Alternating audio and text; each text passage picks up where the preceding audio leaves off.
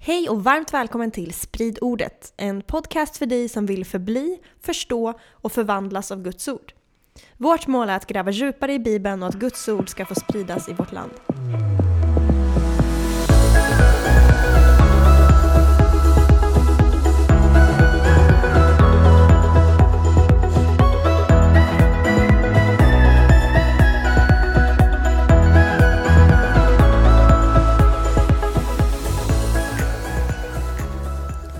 Yes! Nytt år, 2024. Det klingar vackert. Vi har en ny serie. Vi är otroligt laddade för oj oj oj vad spännande det här kommer bli. Det känns som att det var hundra år sedan vi spelade in ett avsnitt.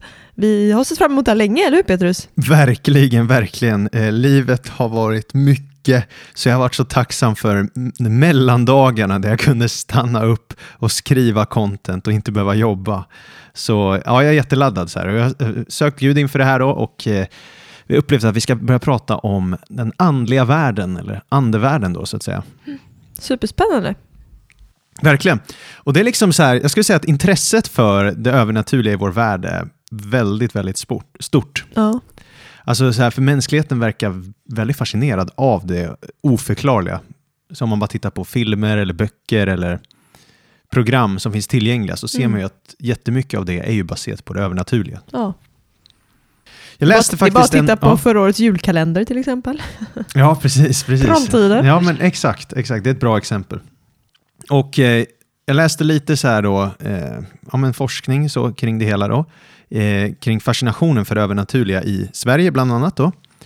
Och då är det en artikel jag hittade först i Göteborgs-Posten från 2017. Då var religionspsykologforskaren Sara Dupplis där och hon sa upp mot 70 procent av svenskarna är förvissade om att det finns en annan verklighet vid sidan av vår. Det är ju mer än hälften. Ja, verkligen. Så enligt henne tror majoriteten av svenska befolkningen på en andevärld, parallell med den jordiska. Men hon menar att det är ett skambelagt ämne då, Mm. eh, så många håller tyst om, om det. Liksom. Eh, för hon säger, hon säger då att, att tro på en andevärld kan anses konstigt och ovetenskapligt och många människor är rädda att bli betraktade som psykiskt sjuka eller anklagas för att ha inbillat sig om de berättar om sina besök från andra sidan. Mm. Och då är hennes argument, eftersom det är så skambelagt så menar hon att det inte finns inga säkra siffror på hur många som tror på ett liv efter detta. Just det. Men då i den här artikeln så säger hon att sju av tio svenskar eh, skulle acceptera tanken på att andar finns. Det är en uppskattning från hennes sida. Mm. Men sen har vi då en, en annan, föreningen Vetenskap och folkbildning, som gjorde en undersökning 2015. Och då, visa, då kollade de hur svenskar förhåller sig till vetenskap, konspirationsteorier och övernaturliga. Och då var det 37 procent som tror på paranorma, paranormala fenomen. Vänta, kom det här innan eller efter? Det här är 2015. Så det är två år innan. Ja, och, och då, då gjorde de en undersökning. Då. Då är det 37 procent enligt den. Ja, precis. Och då enligt den undersökningen så spelar utbildningsnivå ingen roll när det gäller tron på paranormala eh, fenomen. Liksom lågutbildad, högutbildad. Det är inte det som avgör om du tror på det eller inte. Nej, för det handlar ju om upplevelser ofta. Ja. Alltså det är ju sällan någon bara tror på övernaturligt utan att ha upplevt något. Precis. Det är ju en väldigt spännande fråga att fråga vem som helst. Mm. Har du varit med om något övernaturligt någon gång? Det är sällan jag hör folk säga nej, om jag ska vara ärlig. Ja. Och det är, jag har frågat kollegor, jag har frågat folk jag liksom evangeliserat för. Och så här. Sällan folk svarar nej. Ja, men det är jätteintressant. För att, och det, det blev så här, SVT belyste det här också i höstas, eh, alltså hösten 2023 blir det. Ja, de sänder ju en serie, Mm. Andarnas rike. Vi håller ju på att se igenom den, vi är Ja. inte, vi är inte klara. Men, Jag har sett eh, några avsnitt ju. Ja. Och jag tycker det är fascinerande ju. Se vad folk verkligen tror på Mm. eh, för grejer. Eh, och i den så nämner de ju också en studie från 2023 då, vid Göteborgs universitet, där de sa att 40 procent av svenskarna tror, att, eh, tror sig besitta någon form av paranormal eller övernaturlig förmåga. Då. Mm. Så det är ju lite olika siffror, men det är ju ändå många människor. Det är väldigt många människor, oavsett. Liksom. Om du har 10 miljoner i Sverige, då är det minst typ 4 miljoner som... Ja. Ja, alltså det är ju, ja. Ja. Och så det är ändå betydligt fler människor som varit med om paranormala händelser än man tror. Mm. Eh, och som du var inne på där, Jenny, alltså jag, jag skulle nog säga att när jag har varit ute och pratat med människor om tro så har jag märkt då att eh, många kanske inte tror på Gud, men de kanske då tror på andar, spöken eller auror och så vidare. Mm. Och även om de kanske inte vet vad de tror så tycker de det är spännande att prata om. Så det är en Ja, väldigt bra just det. inkörsport att prata om andevärlden. Just det, just det. Just man, det, om just man vill prata om tro med folk. Ja, Så sant, så sant. Och jag tror att, det är, att folk dras till det här mystiska, eh, det är också för att det finns en längtan efter något mer. Mm. Eller hur? Alltså, predikaren 3.11 säger ju i Bibeln att evigheten har han lagt i människans hjärta. Mm. Så alltså, det finns något med det här mänskliga tillståndet som gör att vi längtar efter något mer, efter något gudomligt. Mm. Och det, Ja. det säger Paulus också i Romarbrevet 1, liksom att, att hela skapelsen vittnar om en skapare och att vi människor liksom instinktivt plockar upp det. Men att man då kan undertrycka den vissheten. Så här. För att det kan ju betyda vissa saker då, Mm. eh, för ens liv och det vill man kanske inte. Men med det sagt, det betyder ju att människor är sjukt nyfikna på andevärlden. Ja, verkligen. Och då måste ju vi som liksom, kyrka då verkligen lyfta det här ämnet och prata om det. Mm. För jag, jag gick in på poddtoppen och så såg jag topp 10 liksom på Spotify då, när jag kollade se- senast. Vilken religion- kategori? Religion och andlighet. Ja. Ingen kristen content där. Utan det är utomjordingar, spöken, medium, Ja. sådana grejer. Mm. Men det ser man ju också, jag har ju varit många gånger med vår kyrka på, vi bor ju i Stockholm och varje år i Stockholm, två gånger per år, så är det en eh, new age-mässa, eller de kallar det för en hälsomässa, Mm. alternativ hälsa. Liksom. Vi har varit där ganska många gånger som kyrka och bett för människor. Och oj vad mycket folk det är. Det är liksom två stora mässhallar fullt med folk och det är trångt när man går däremellan. Ja, ja. Och det är alla möjliga saker. Vi ber ju för folk. Eh, Ja. Men alltså alla är så nyfikna och öppna. Så det finns ju verkligen en hunger och en nyfikenhet kring det övernaturliga. Men också en desperation då kanske eftersom det handlar om hälsa. Många som Ja, mår ja, dåligt ja. och inte får hjälp eller vården inte kan hjälpa dem eller whatever. ja, ja. Jätteintressant. Så det är stor längtan efter Det finns, något exakt, det finns ju bättre längtan. liv. Men, och där har ju vi chans att erbjuda sann andlighet. Alltså som Mm. du sa, liksom, när vi är på New Age, vi predikar Jesus. Alltså, erbjuder bön i Jesu namn. och sen så är det också det här, det finns ju också många i Sverige som inte tror på det övernaturliga också, naturligtvis, ska vi ju Oh, säga. Och som är präglade av rationalism och, eh, eller vad ska vi kalla det, liksom sekularism, Mm. ateism, alltså väldigt så här naturalistisk, naturalistisk världsbild, att det finns ingenting annat än den här vi, vi kan Ja. se på och ta på. Liksom. Mm. Eh, och jag tror ju att kyrkan har påverkats väldigt mycket av det tänket också. Att det inte finns. Ja, precis. Alltså, eftersom vi, vi lever ändå i en... I Sverige är det ändå ett klimat generellt, ja, men som den här religionspsykologforskaren pratar om, alltså, det är lite skambelagt att prata om andevärlden och sånt i, Mm. i, i västvärlden nu, nu för tiden. Tills man börjar prata om det. Ja, exakt, exakt, exakt. Så jag, jag tror att det är något gott i att bara lyfta det. Typ så, här. så det är bra att vi tar upp det här, tror jag verkligen. Och sen så vill jag bara säga att när vi tar upp det ämnet då, då finns det alltid faror med diken då. Oh ja. För det blir lätt då att vissa människor överbetonar andevärlden jätte, jättemycket så här, och börjar se andar i allt och tänka att varje liten hand, händelse ska Demon i tillskrivas, varje buske. ja, men exakt, tillskrivas den osynliga världen. Eh, alltså så här, bara för att du slog tån i bordet så betyder det inte att det var djävulens fel. Alltså det kan ju vara att du var klumpig. Alltså den grejen. Så man måste ha, ha balans i det, men man kan ju inte heller gå åt andra hållet och bara ha någon form av naturalistisk världsbild och förneka den osynliga världen som kristen då. Eftersom det står om det i Bibeln. Exakt, exakt. Så balans här är ju ordet. Så det finns alltid faror. Som med allt annat. Ja, men så det Känns finns- som vi tar upp det i varje ämne. Ja, men verkligen. Och det finns ju faror i att liksom, eh, vad ska vi säga, prata om andevärlden också. Mm. I att rätt vad det är så, ja men så blir folk lite för extremistiska där och lägger för mycket Eller betoning på det. rädda. Eller rädda, ja. Precis. Det är också så här att det finns en tendens i många kristna sammanhang där man betonar det andliga tingen mest av allt. Så andevärlden eller andliga upplevelser eller sådana grejer. Då är det inte ovanligt heller att den församlingsgemenskapen kanske brister ibland i karaktär eller dygd eller sådana grejer. Varför då? Ja, jag vet, ja, det är ju en bra fråga. fast man kanske sig, dra, man man- dras till erfarenheter. Men alltså, det är något vi ser ändå i församlingen Korint, Mm. i Bibeln, och vi ser det också i modern tid. Liksom. Mm. Ja, så att om man liksom bara vill skylla allting på andevärlden, Mm. då kan, behöver man ju inte ta något ansvar själv. Så om man bara spenderar tid i Mm. bön till exempel Mm. för att kriga i anden, då spenderar man inte någon tid i gemenskap när man får slipas mot människor Just som är det, olika det, och så det. vidare. Men det handlar ju igen det Ja, här med diken. intressant. Om alla har ju lära av varann. Liksom. Ja, ja, ja, ja. Precis, och det andra diket är ju då att man så på något sätt skulle säga att, eh, inte vet jag, kristen tro bara handlar om värderingar. Ja, eller bara handlar om eh, helgelse. Att det, att det liksom, eller helgelse Nej, nej men värderingar, alltså så här, det handlar bara om vad du gör, alltså det finns bara det du ser och Ja. hur du ska leva ditt liv. Alltså jag Mm. vet inte, eller förstår vad jag menar? Alltså, man bara, det handlar inte om det övernaturliga, det kan inte Nej. vara helande nu, det kan inte vara, inte vet jag, andlig krigsföring och sådana grejer. Mm. Ja. Och sen det, det spännande är att det finns vissa weird andliga grejer i Bibeln. Som Ganska många. många som man duckar för, som kristen ofta, i moderna väst.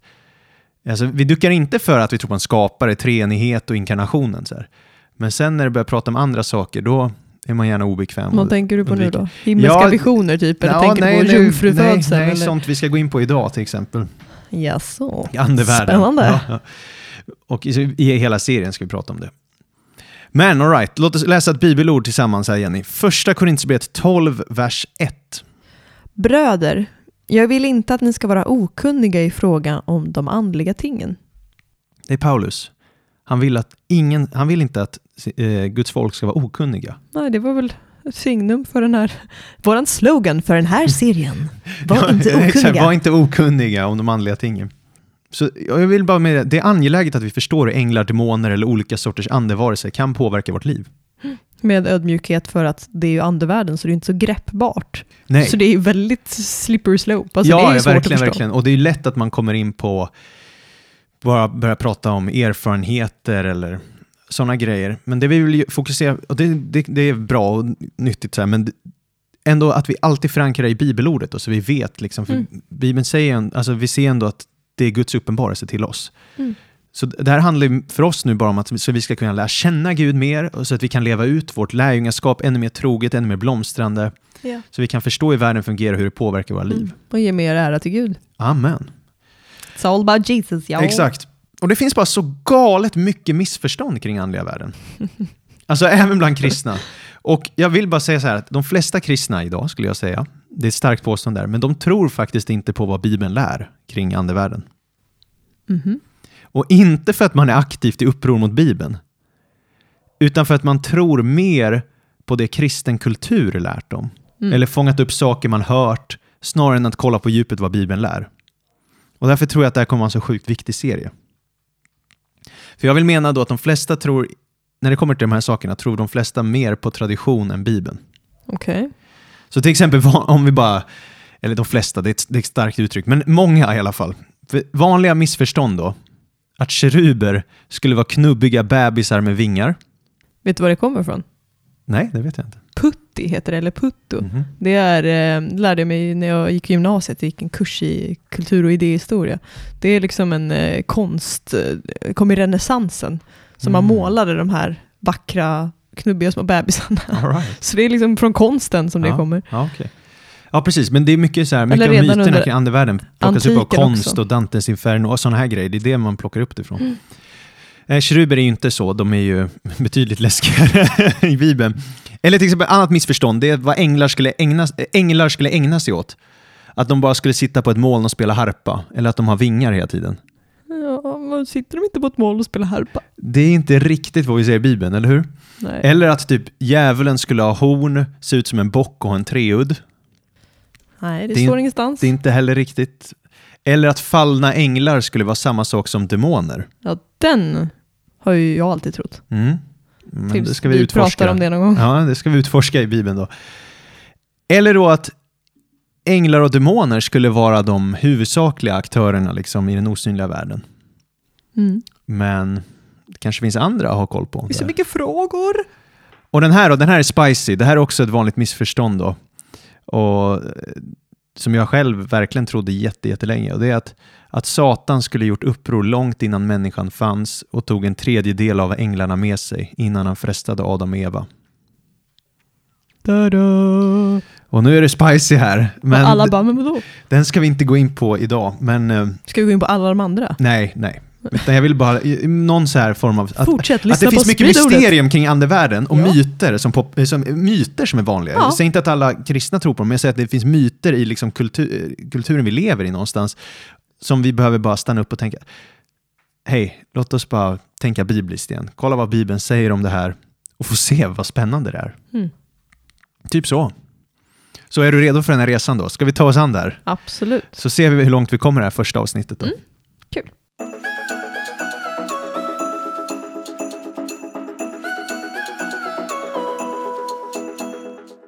All right. Låt oss ta det från början då Jenny. Vi tar det från början. Eller hur? Första Mosebok 1.1, vad står det där? Fyndigt. I begynnelsen skapade Gud himmel och jord. Precis. Eller så här på hebreiska skulle det väl vara i begynnelsen skapade Gud, alltså Elohim, himlarna och jorden. Så att plural i himmel. Precis, precis, precis. Och Gud där också, Elohim. Men Mm. det, det ska vi gå in på sen. och efter det så följer då en poetisk... Slänger liksom, han ur sig. Ja, ja, ja. Så efter det här följer då en poetisk, profetisk beskrivning av hur Gud skapar världen på sju dagar. Det är ju inte en vetenskaplig redogörelse för hur Gud skapar världen. Nej. Nej. Och så följer det då eh, i sju dagar. Så här.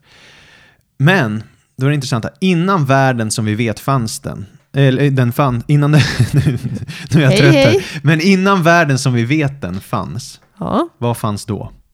De flesta skulle svara Gud, Mm. men innan världen blev färdigskapad och människor fanns, så fanns något annat också. Guds söner, morgonstjärnorna. Nu blir det snurrigt här. De fanns med och jublade när världen blev till. När Gud höll på med skapelsen. Enligt Jobb 38, vers 4-7. Så låt oss läsa Jobb 38 här, vers 4-7. Det är Gud nu som talar till Jobb då. Så Från vers 4. ja. Var fanns du när jag la jordens grund? Svara om du har så stort förstånd. Vem har bestämt hennes mått? Du vet. Och vem spände mätsnöret över den? Var fick hennes grundpelare sina fästen? Vem la hennes hörnsten? Medan morgonstjärnorna tillsammans sjöng och alla Guds söner ropade av glädje. Mm.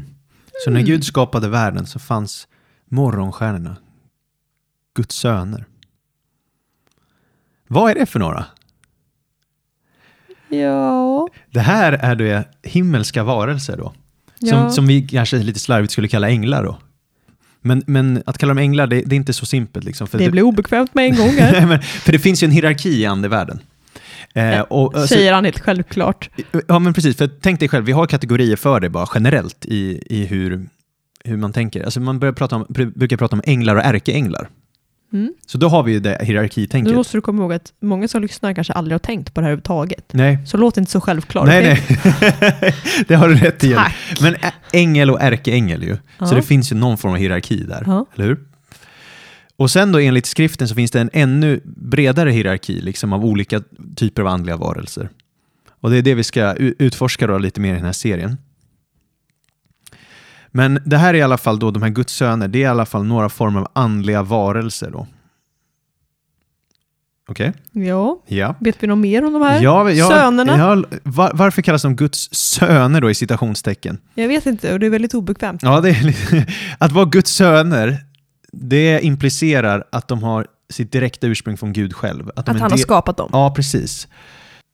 Och det, det här är varelser då som för mänskliga ögat är osynliga. Då. Mhm. Mm. Och, Ja, jag har aldrig sett någon. nej, nej, precis. Och för att han skapar dem så kallar han dem söner.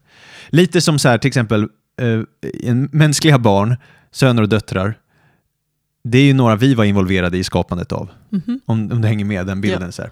Och att vara en Guds son då, inte i bemärkelsen Jesus Kristus, liksom Guds enfödde son så här, som står över allting annat och som inte är en skapelse utan skaparen. Men annars, om man bara tänker Guds söner generellt, så innebär det att man är en direkt skapelse av Gud. Okej. Så till exempel Adam, den första människan, Mm. kallas Guds son. Just det. Direkt ursprung från Gud. Vi andra blir ju då Adams söner eller döttrar. blir, blir vi Guds barnbarn då? Han har inga barnbarn. Men Är du säker? Vad händer när vi människor blir födda på nytt? Alltså när vi börjar tro på Jesus Kristus. Då säger Bibeln att vi blir Guds barn, eller Guds söner som det står. Alla som tog emot honom gav han rätten att bli Guds söner. Och, och dotter? Ja, precis. Men, men ordet son här bara implicerar positionen av liksom, eh, arvinge, Arvsrätt. ja, arvinge och liksom det. Så det har med källa att göra då. Så att alla som tror på Jesus kan då igen bli direkt skapelse från Gud, alltså direkt vi ursprung. Vi blir Så på vi nytt födda, så anden. att nu Ja. när vi läser om Guds söner, då behöver vi inte bli, få panik och tro att det finns en hel gudafamilj med halvgudar och Alltså, mini, alltså som ser ut som typ Jesus eller sådär. ja, eller har vi en Herkules och en vad det nu kan vara. Nej, nej, nej. Det är inte liksom eh, Guds lilla gudafamilj så, utan det är bara att de är skapade av Gud. Precis. Ja. Men det är ändå någon form av familj blir det ju. För son implicerar ju någon form av familjeskap. Ja. Eller hur? Mm. Ja. Så på hebreiska Guds söner är termen Benei ha Elohim. Och Benei då betyder söner. Mhm. Och Elohim ska vi gå gå in på strax. Men Benei, alltså söner där. Det ordet betyder ju son då, men det kan också betyda som medlem i en viss kategori. Så till exempel, eh, man kan vara en son av 17 år i Bibeln. I första Mosebok 37. Eh, Det okej. betyder alltså att du tillhör kategorin av 17-åringar. Aha, Hänger du med? Så till Ja. exempel, du kan vara Israels barn eller Israels söner. det betyder man. att de tillhör folket Israel. Så man kan vara Stockholms söner. Ja, man bor i exakt. Stockholm. Ja, precis. Lite som, du, du brukar skämta ibland Jenny och säga typ, du är människobarn. det är ju samma grej, alltså människobarn blir människoson, alltså du, man tillhör en du tillhör människosläktet. Och på det här sättet då blir det att, att vara Beneha Elohim, det betyder att man tillhör kategorin Elohim. Som är översatt Guds, Gud då. Det är därför de kallas Guds söner. Mm. För de tillhör kategorin Elohim. Som betyder gudar. Ja, Elohim är ju ett ord då som ofta översätts till Gud. Ja. Men ordet Elohim översätts på olika sätt eh, beroende på vad i Bibeln det refererar till. Ibland kan det tala om änglar, ibland demoner, ibland gudar Så någon form av väsen. och ibland Gud med stort G. Andligt väsen av något slag. Ja, exakt. Alltså, så det är ett ord för, för att beskriva alla de här sakerna. Så det är en kategorisk titel. Alltså en titel snarare än ett namn. För att visa att man, tillhör hem, man, man eh, hör hemma i den andliga, himmelska, osynliga sfären. Mm. Så alltså en bra översättning av Elohim skulle vara då andlig varelse. Ja. Och Elohim på hebreiska, we're going deep här direkt, eller hur? Kör Ingen mjuk start. Elohim då har im-ändelse. Jag bor med den här människan. Invändelse som är plural då, på hebreiska. Så när vi läser där i början att i begynnelsen skapade Gud himlen och jorden, så står det att Elohim skapade himlen och jorden. Alltså Gud. Mhm. Men det är ju plural. Så man Ja. skulle kunna tro att det är gudar skapade himlen Kan det och jorden. vara treenigheten de menar? Kanske, men, men det som är intressant där är att då är det att verbet som är tillsammans med det ordet, skapade, Gud skapade himmel och jord, skapade i singularformen. För verb har singular och pluralform också på hebreiska. Så att det är Elohim skapade i singular. Och då vet vi att det handlar om Gud, den ende guden, som Mm. skapar. Förstår du? liksom? Mm. Ja. Hade det varit att det var tre gudar eller 15 gudar, då hade det stått verbformen för Skapade i plural, i ja. plural också. Exakt. Fast på svenska har vi inte så. Nej, precis. Utan vi har bara ett verb. Ja, Verbet exakt. har inte någon... Eh, hänger ni med? Alltså det är grammatik. Ja, grammatiken gör att vi vet att det här är en singular gud som skapar någonting. Ja, så vi behöver inte bli livrädda nu och tro att det är något annat som har skapat världen än Gud. Nej, precis. Bra, då har vi det klart.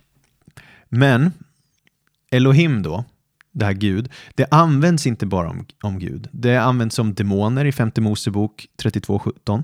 Det används som den döde Samuel som så här dyker upp i efterlivet, typ i första Samuelsboken 28.13. Don't try this at home. Så att Elohim pratar inte om en specifik uppsättning eh, attribut som bara Gud den högste har. Så Elohim är inte en exklusiv term som bara kan användas om Gud Fadern, Nej. utan det är en titel på en typ av varelse. Så om vi tar en liknelse då, Jenny. Till exempel, jag är en pappa. Eller hur? Ja. Och jag har en pappa också. Det har du. Mm. Och ordet pappa då kan ju referera till olika sorters folk. Alltså det kan ju referera till mig, det kan referera till min pappa, det kan referera till din pappa. Alltså bara Ja. termen pappa. Ja, Eller hur? Ja. Så, men det som förenar alla pappor är att de har samma roll i en familj. precis. Så om jag säger till min bro- brorsa då så här, ah, men låt oss dra hem till pappa. Då är det tydligt att vi inte talar om vilken pappa som helst, eller hur? Nej. Utan att vi talar om vår pappa. Det var jättekul om ni bara helt plötsligt dök upp hos min pappa. ja, för låt oss hem till pappa. Ja. Och på samma sätt då är det med Bibelns författare. De kallar ju sin Gud för Javé, Mm. men de kallar också honom Elohim. Så ibland så säger de Elohim, Och då alltså fattar Gud. alla och då fattar Gud. att det är Gud, den högsta, eller hur? Mm. Eh, så när de säger låt oss tillbe Gud, då säger de inte låt oss tillbe massa gudar, utan den enda guden. Mm. Så Bibeln skiljer på Gud från andra gudar då, eller alltså andra Elohim, Andra är andeväsen. andra andeväsen. Så Gud, Elohim, är unik och han är ingen jämlike. Han är Elohimernas Elohim, gudarnas gud, som det står i femte Mosebok 10.17. Och Står det så? Ja, det står Ja, att ja, han är fint. gudarnas gud, eller Elohimernas Elohim. Ja. Och samma sak i psalm 136.2. Så det du gudarnas försöker Gud. säga är att vi behöver inte få någon kris för att ordet Elohim betyder olika saker i Bibeln? Exakt, exakt, exakt. För Bibeln är inte politism. Nej. Och det Nej. betyder? Politism, alltså många gudar. Ja. På ett sätt. Alltså, det, vi har en gud, skaparen. Han, han är den enda som funnits av evig tid. Okej, han är den enda. Alla andra, Guds söner, de, de är skapade. Eh, mest troligt på fjärde dagen av skapelsen. Men det, det är en parentesstudie. Ja, ja. Kan Ja. vi gå vidare nu? Okej, okej, okej. Men jag vill bara dra, dra upp det här då, för att det här betyder, det betyder att vi lätt kan bli bortdribblade och förvirrade när vi läser våra bibelöversättningar. Mm. För Elohim översätts i olika saker i olika kontexter. Så det kommer inte alltid fram så tydligt att Nej. det handlar om olika andeväsen och sådär. Precis. Och ett praktexempel på det här Jenny, Mm. som vi måste läsa, det är psalm 82. Som jag läst många, många gånger på svenska och blivit riktigt, riktigt förvirrad. Och jag har inte fattat någonting förrän jag läste Unseen Realm av Michael Heiser som är expert på det här området. Som är, han är en bibelforskare, teolog då. Vad? Var, just det, han har klivit in i härligheten. Mm. Men eh, ja, så vi läser psalm 82 nu, vers 1 här. Och det är spännande bibelvers. Om man läst den här någon gång så kan jag förstå att man blir förvirrad av den. Ja, verkligen. Okej, vi kör. Gud står i gudaförsamlingen, mitt ibland gudarna håller han dom. Ja, så om man inte känner till hebreiska ordet Elohim Där fick vi alla en livskris. om man inte känner till Elohim där så kan det här vara en av de märkligaste verserna i hela Bibeln. Gud står i gudaförsamlingen, mitt ibland gudarna håller han dom. Vad i all sin dar betyder det? Ja. Och då på hebreiska står det Elohim står i gudaförsamlingen, mitt ibland Elohim håller han dom. Så ordet Elohim dyker upp två gånger i den här versen. Första gången handlar det om Javé, alltså Gud den högste, utifrån singularverbet. Men an, så står det att han står mitt ibland gudar, Elohim, plural. står, han står och hänger bland massa Andliga varelser. andliga varelser. Exakt. För om man, annars om man läser det här på svenska, den här översättningen, Gud står mitt ibland gudarna, då tänker man ju direkt, okej, Gud står bland en panteon av andra gudar. Det här låter ju som grekisk mytologi. Eller hinduism. Ja, och det gör ju en väldigt obekväm. Och en församling då, menar man då bara att det är många på en plats? Är det så gudaförsamling? Ja, just det. Det är, det är många på en plats, men Eller har de det, startat en ny kyrka? ja, heter- ja, men det går djupare än så faktiskt, Jenny. Det går mycket djupare än så. Eh, men om vi bara ska stanna upp, vi, vi, vi, vi kommer gå in på det, men, men om vi bara stannar upp där då, vid, vid det här Elohim, att han står mitt ibland de här Elohim, andliga varelserna. Det blir tydligt att det inte heller handlar om avgudar gjorda av sten, utan att det handlar om andliga varelser, verkliga varelser. För i Mm. vers 6 i psalm 82 så kallas de den högste söner. Mm. Och då är vi tillbaka till det här sonspråket, Kategori. som vi, i jobb 38. Ja. Och, och kategori men också ursprung då från Gud. Alltså. Och det som är intressant är familjespråket. Så okej, Gud den högste är deras far, Mhm. men han blir också på ett sätt deras kung. Ju.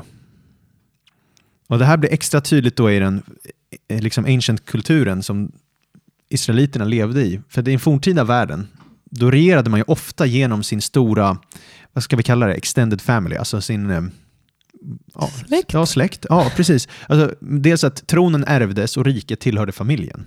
Mm. Så det här språket av att de också är Guds söner, det blir också som, det blir väldigt logiskt då i, i hur världen såg ut då också.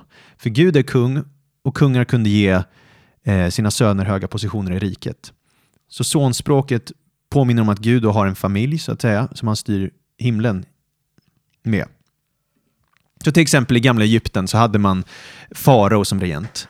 Och farao hade stora familjer och då tillsatte man familjemedlemmar på nyckelpositioner. Administratörer typ. Och sen hade man lite lägre stående som var budbärare. Sådär. Och det var konceptet då. Och det verkar vara en liknande administration i himlen. Mhm. För att han står här nu mitt ibland gudaförsamlingen. Eller församling, eller snarare kanske rådet. Ett råd eller en styrelse om du vill. Okej. Genom vilket han styr världen. Och det här är ju helt nya grejer nu. Bara, pff, vi går ju djupt direkt här. Men det verkar som att Bibeln säger på väldigt många ställen att Gud har andliga varelser som regerar i himlen med honom. Det psalm 82 kallar gudaförsamlingen. Mm. Så han har liksom portionerat ut små hertigar av olika områden. Ja, ja, ja, han har någon styrelse. En, en, en, En styrelse liksom, de sitter och har En styrelsemöte. kassör och en Ja, vice ordförande. Och... Ja, exakt. En valberedning. Och, nej. Vi kan läsa fler bibelord på det här. Psalm 89, då, vers 68 där. Himlarna prisar dina under, Herre, och din trofasthet i de heligas församling. Ty vem i skyn kan jämföras med Herren? Vem bland Guds söner är Herren lik? Gud är, en fruktans är fruktansvärd i de heligas råd. Mycket fruktansvärd är han för alla omkring honom. Just det. Så här står det i psalm 89 att Javé, Herren, han har som ett stabsteam i himlen som kallas det heligas församling, eller det heligas råd här då. Och så står det att ingen av Guds söner är lik honom. Alltså Herren är unik bland alla de här andra andliga varelserna. Och att Gud är, här står det fruktansvärd, alltså värd att fruktas. Inte fruktansvärd som är grym och hemsk, liksom, utan att han är liksom värdig att tillbe. Mm. Han är awesome. Ett bra ord på engelska då. Så där återigen har vi till, men då kallades det inte gudaförsamling utan det heligas församling eller det heligas råd Ja. i himlen. Vi närmar oss styrelsen. Ja, men det är, en som, det är en styrelse egentligen. Och ett till exempel, och nu, nu, nu kommer folk bara, jag har aldrig läst Bibeln så här och skojar med mig? Är det här Bibeln ser om andevärlden? Ja, det är det faktiskt. Som bara gör det ännu tydligare här. We're going in, Jenny, är du redo? jag, jag vet kung- inte. Första Kungaboken 22. Ja. Och det här, det här är bara för att liksom utmana oss nu, för vi ska på en resa verkligen i Bibeln. Men första Kungaboken 22, då handlar det om en ond kung i Nordriket Israel, Ahab. Och han vill då alliera sig med kungen i Sydriket, Juda, och så vill de attackera en fiende. Ahab Isabels man. Ja, precis. precis. Och Judas kung då, han vill ha inblick i framtiden. Och han vill veta vad som kommer hända om de attackerar. Mhm. Så först så frågar Ahab sina profeter, det är ju avgudadyrkare då, och då säger alla de till honom, ja men det är lugnt, det kommer gå superbra, nu kommer krossa dem typ. Men sen då tänker de, nej men vi vill även fråga Herrens profet. Så då går de till en profet som heter Mika. Och frågar, Mika, ja men du, Är det säger... samma Mika som eh, har en egen bok? Nej, nej, Nej, en annan. en annan Mika. Om jag inte misstar mig helt. Eh, och Kanske du gör. Ja, jag, jag tror inte. Men ja. Okej, vi läser första kungaboken 22, där, vers 19 till 23. Och bara tänk nu att vi har pratat om att det verkar som Gud har en styrelse av Elohim som han styr världen genom. Ja, det har aldrig varit så spännande att läsa Bibeln. Mm, Vi kör. Mm. Mika sa, hör alltså Herrens ord. Jag såg Herren sitta på sin tron och himlens hela härskara stod hos honom på hans högra sida och på hans vänstra. Och Herren sa, vem vill locka Ahab att dra upp mot Ramot i Gilead så att han stupar där? Den ene sa si och den andra så. Då kom en ande fram och ställde sig inför Herren och sa, jag ska locka honom till det. Herren frågade honom, hur då? Han svarade, jag ska gå ut och bli en lögnens ande i alla hans profeters mun. Då sa Herren, försök locka honom till det och du ska också lyckas. Gå ut och gör så. Och se, nu har Herren lagt en lögnens ande i alla dessa dina profeters mun och Herren har beslutat att olycka ska drabba dig. Oj då. Oj då, vad läste vi just Jenny? Det jättekonstigt. Det, det är jätte, det nystan av massa frågor. Det sjuka är egentligen, Ja. varför tycker vi att det här är konstigt? Det har ju stått i Bibeln hela tiden. Varför Ja. har jag liksom missat det? Ja, men det är jätteintressant. Så om vi tänker så här, det står här att himlens härskara står inför Herrens tron. Alltså en Alltså, skara Väldigt mycket andliga varelser, varelser står inför Herrens tron. Och Herren då talar med dessa andevarelser. Det är vad Bibeln ber oss Det tro. låter som att ha ett möte. Ja, han har ett möte där han beslutar saker som ska ske på jorden. Det är årsmöte i himla, i gudaförsamlingen. Ja, ja, men typ. Alltså, det, det, kan, det, här är, det kan vara svårsmält, men det är att han har en styrelse då i himlen. Ja, på På något, något vis. sätt, alltså, eller jag vet om det är styrelse, men det är i alla fall andevarelser han opererar, mm, samverkar med. Ja, på något sätt. Och de verkar ju vara frivilliga och komma med egna förslag. Och sen säger Herren, ja men kör Enligt på det. Mikas syn. Ja, precis. det kan ju Mikas också syn. vara så att Gud har gett han den här synen för att break it down något som är ännu mer komplicerat. Ja, exakt. Det vet kan, vi nej, inte. det vet vi inte. Det vet vi inte. Men det är ungefär så det verkar se ut då. Och det finns ju fler exempel på det. Förutom psalm 82, psalm 89 och det här vi läst då, så finns det fler exempel. Vi kan ta ett till i alla fall. Och det är Daniel 4. Ja, i Daniel finns mycket spännande, Mm. konstigt, andevärldsgrejer. Verkligen, verkligen. Och i Daniel 4, i Daniel kapitel 4, så är, är det hur Nebukadnessar kommer få en dom. Nebukadnessar var en kung. Han var en kung i Babel. Och han får en dom från den högsta guden, alltså Javer och Herren. Men sen står. Elohimernas Elohim. Exakt, Elohimernas Elohim. Sen i Daniel 4.14, då kommer det förtydligas att det inte bara är Gud som utfärdat det här, utan även väktarna eller de heliga. Då. Så vi läser det här. Okej. Daniel 4, vers 14. Så är det förordnat genom väktarna, och så är det befallt i denna sak av de heliga, för att de levande ska veta att den högste råder över människors riken och ger dem åt vem han vill. Ja, han upphöjer den ringaste bland människor till att härska över dem. Oj, oj, oj, oj, oj. Vi hoppar in bara där boom, i Poff. versen. Men det handlar om att det, något som kallas väktare eller de heliga. Och de har, varit, eh, de har liksom bestämt där att det här ska ske då, det som sker på jorden där. Och Hur vet väktarna, Hur vet Ja. du att de heliga inte bara är folk som följer Gud? Ja, men i kontexten, i kontexten så blir det väldigt tydligt att det handlar om eh, andliga Väktare. varelser då, som är med i det som kallats gudaförsamlingen eller det heligas råd eller. Är det styrelsen? Styrelsen, himlens styrelse. Alltså det. Och de kallas väktare då. Det, de kallas det även i utombiblisk litteratur, så kallas de väktare. Det är de som vakar över jorden för de, och de sover aldrig. Det är därför de kallas väktare. Så här. Men poängen är i alla fall att det här ger oss bibliska scener av gudomliga rådsmöten. Ja. Ja, så det bekräftar för oss att Gud har rådsmedlemmar som deltar i Guds styre av världen. Och i vissa fall säger Gud vad han vill göra, men han ger sina sen då övernaturliga agenter frihet att bestämma hur det går till. Märkligt. väldigt märkligt. Varför gör han så? Ja, det, säg, det lär oss ganska mycket om Guds karaktär skulle jag säga. Han är i alla fall inte oordningens Gud. Han vill ha... Nej, men, men, alltså, alltså, det kan ju låta weird, men samtidigt ger oss en insikt i Guds karaktär och det är att han vill dela med sig av sitt styre. Mm. Och det är ju inte en främmande tanke för den som läst Bibeln. Nej. För att Gud anförtror ju sitt styre av jorden till oss människor. Mm. Eller hur? Och visst står det mycket om, eh, alltså när man, sista tiden, eller inte sista tiden, men himmelriket, Mm. att man ska regera. Ja, precis. precis. Ja, men exakt. Och det är hela Bibelns berättelse, att Gud skapar människan till sin avbild. Och det är att vara regenter på jorden Mm. och reflektera Guds karaktär, hans na- natur och hans regerande och utbreda det. Och han ger oss fri vilja då att agera ut det. Så Gud vill dela med sig av sin skapelse och samverka med sin skapelse. Vilket inte alltid kommer innebära att det är enkelt. Det vill han ju på jorden. Och detsamma gäller himlen. Så vi människor är liksom, vi speglar Gud här. Så finns det andliga varelser som ska spegla Gud då i himlarna. Ja. Det, så egentligen är det inte en så farfetched biblisk tanke. Nej, det är lite som här, fast lite annorlunda. Ja, precis. precis. Och, det, och med det här perspektivet så förs- kommer vi förstå Bibeln och världen ännu bättre. För att det berättar någonting om Gud i hans natur. Att han, han är ju suverän, han regerar på sitt sätt. Men han gör det genom andra varelser som har förmågan att kunna välja bort honom eller välja hans vägar. Mm. Och, och bara om vi går tillbaks till första Mosebok, där kapitel 1 i början och berättelsen och bara om, om vi läser första versen av kapitel 2 också, så står det att så fullbordades himlen och jorden med hela sin härskara. Alltså, det Så han beskriver... skapade dem då också. Mhm. Så han skapar himmel och jord med deras härskara. Alltså tsava på hebreiska. Ett ord som kan implicera en armé eller en stor skara. Och det är ju namnet på Herren. Har du läst i Bibeln någon gång? Herren Sebaot. Mhm.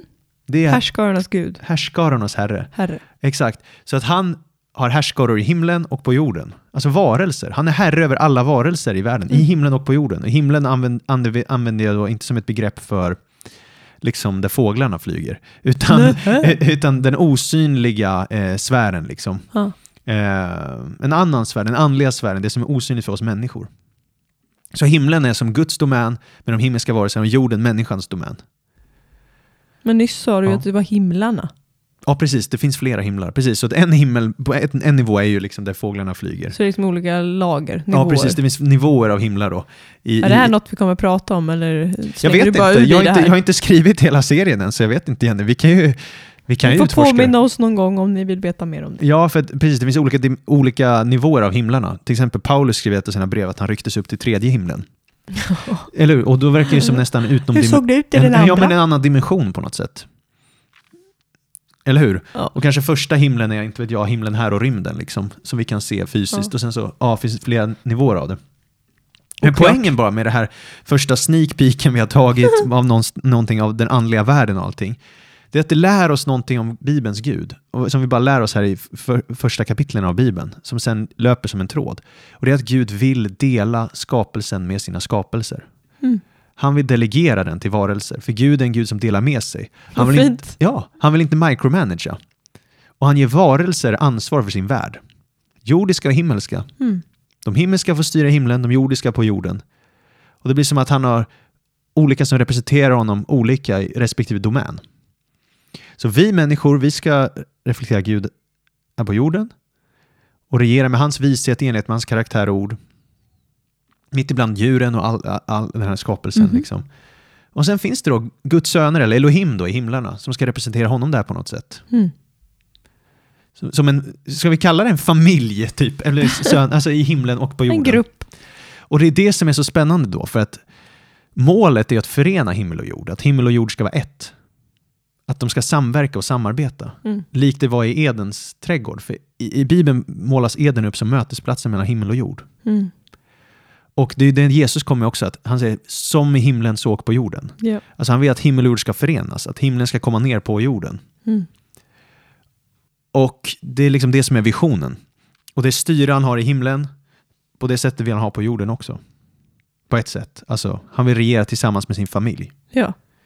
Då det vackra i det här också, på något sätt, det är att de vare sig Gud skapat, har också möjligheten att välja bort sin skapare. Vilket kommer skapa mycket problem och mycket smärta för Gud. Och gör det också. Mm. Men det är en nödvändighet för att kunna ha en värld där kärlek kan uttryckas.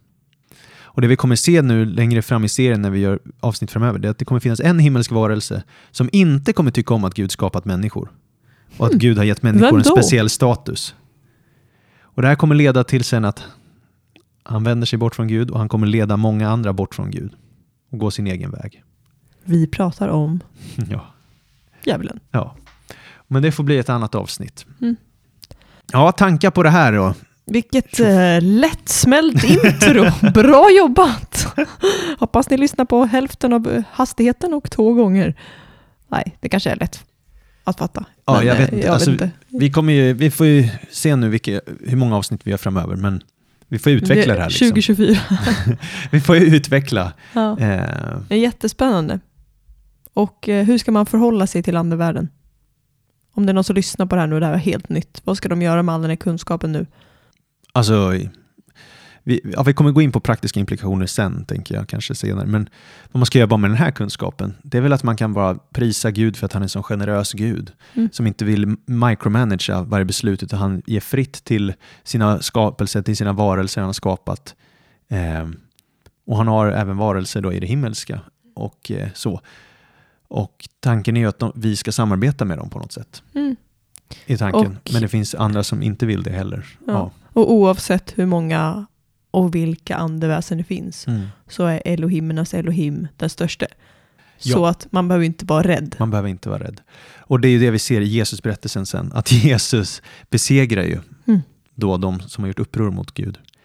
Eh, och be, bedrövar, eh, berövar dem all sin makt när han driver ut onda andar och han dör på korset Ja. och triumferar så här. Och han ger oss en väg framåt i hur man Mm. ska leva. Så att den här serien har vi inte för att vi vill göra någon form av fascination för andevärlden och för att det ska ha massa ära, utan det är helt enkelt för att vi ska förstå mer hur hela universum funkar och hur, vem Gud är Ja. och eh, bara ge ära till Gud. Så är det verkligen.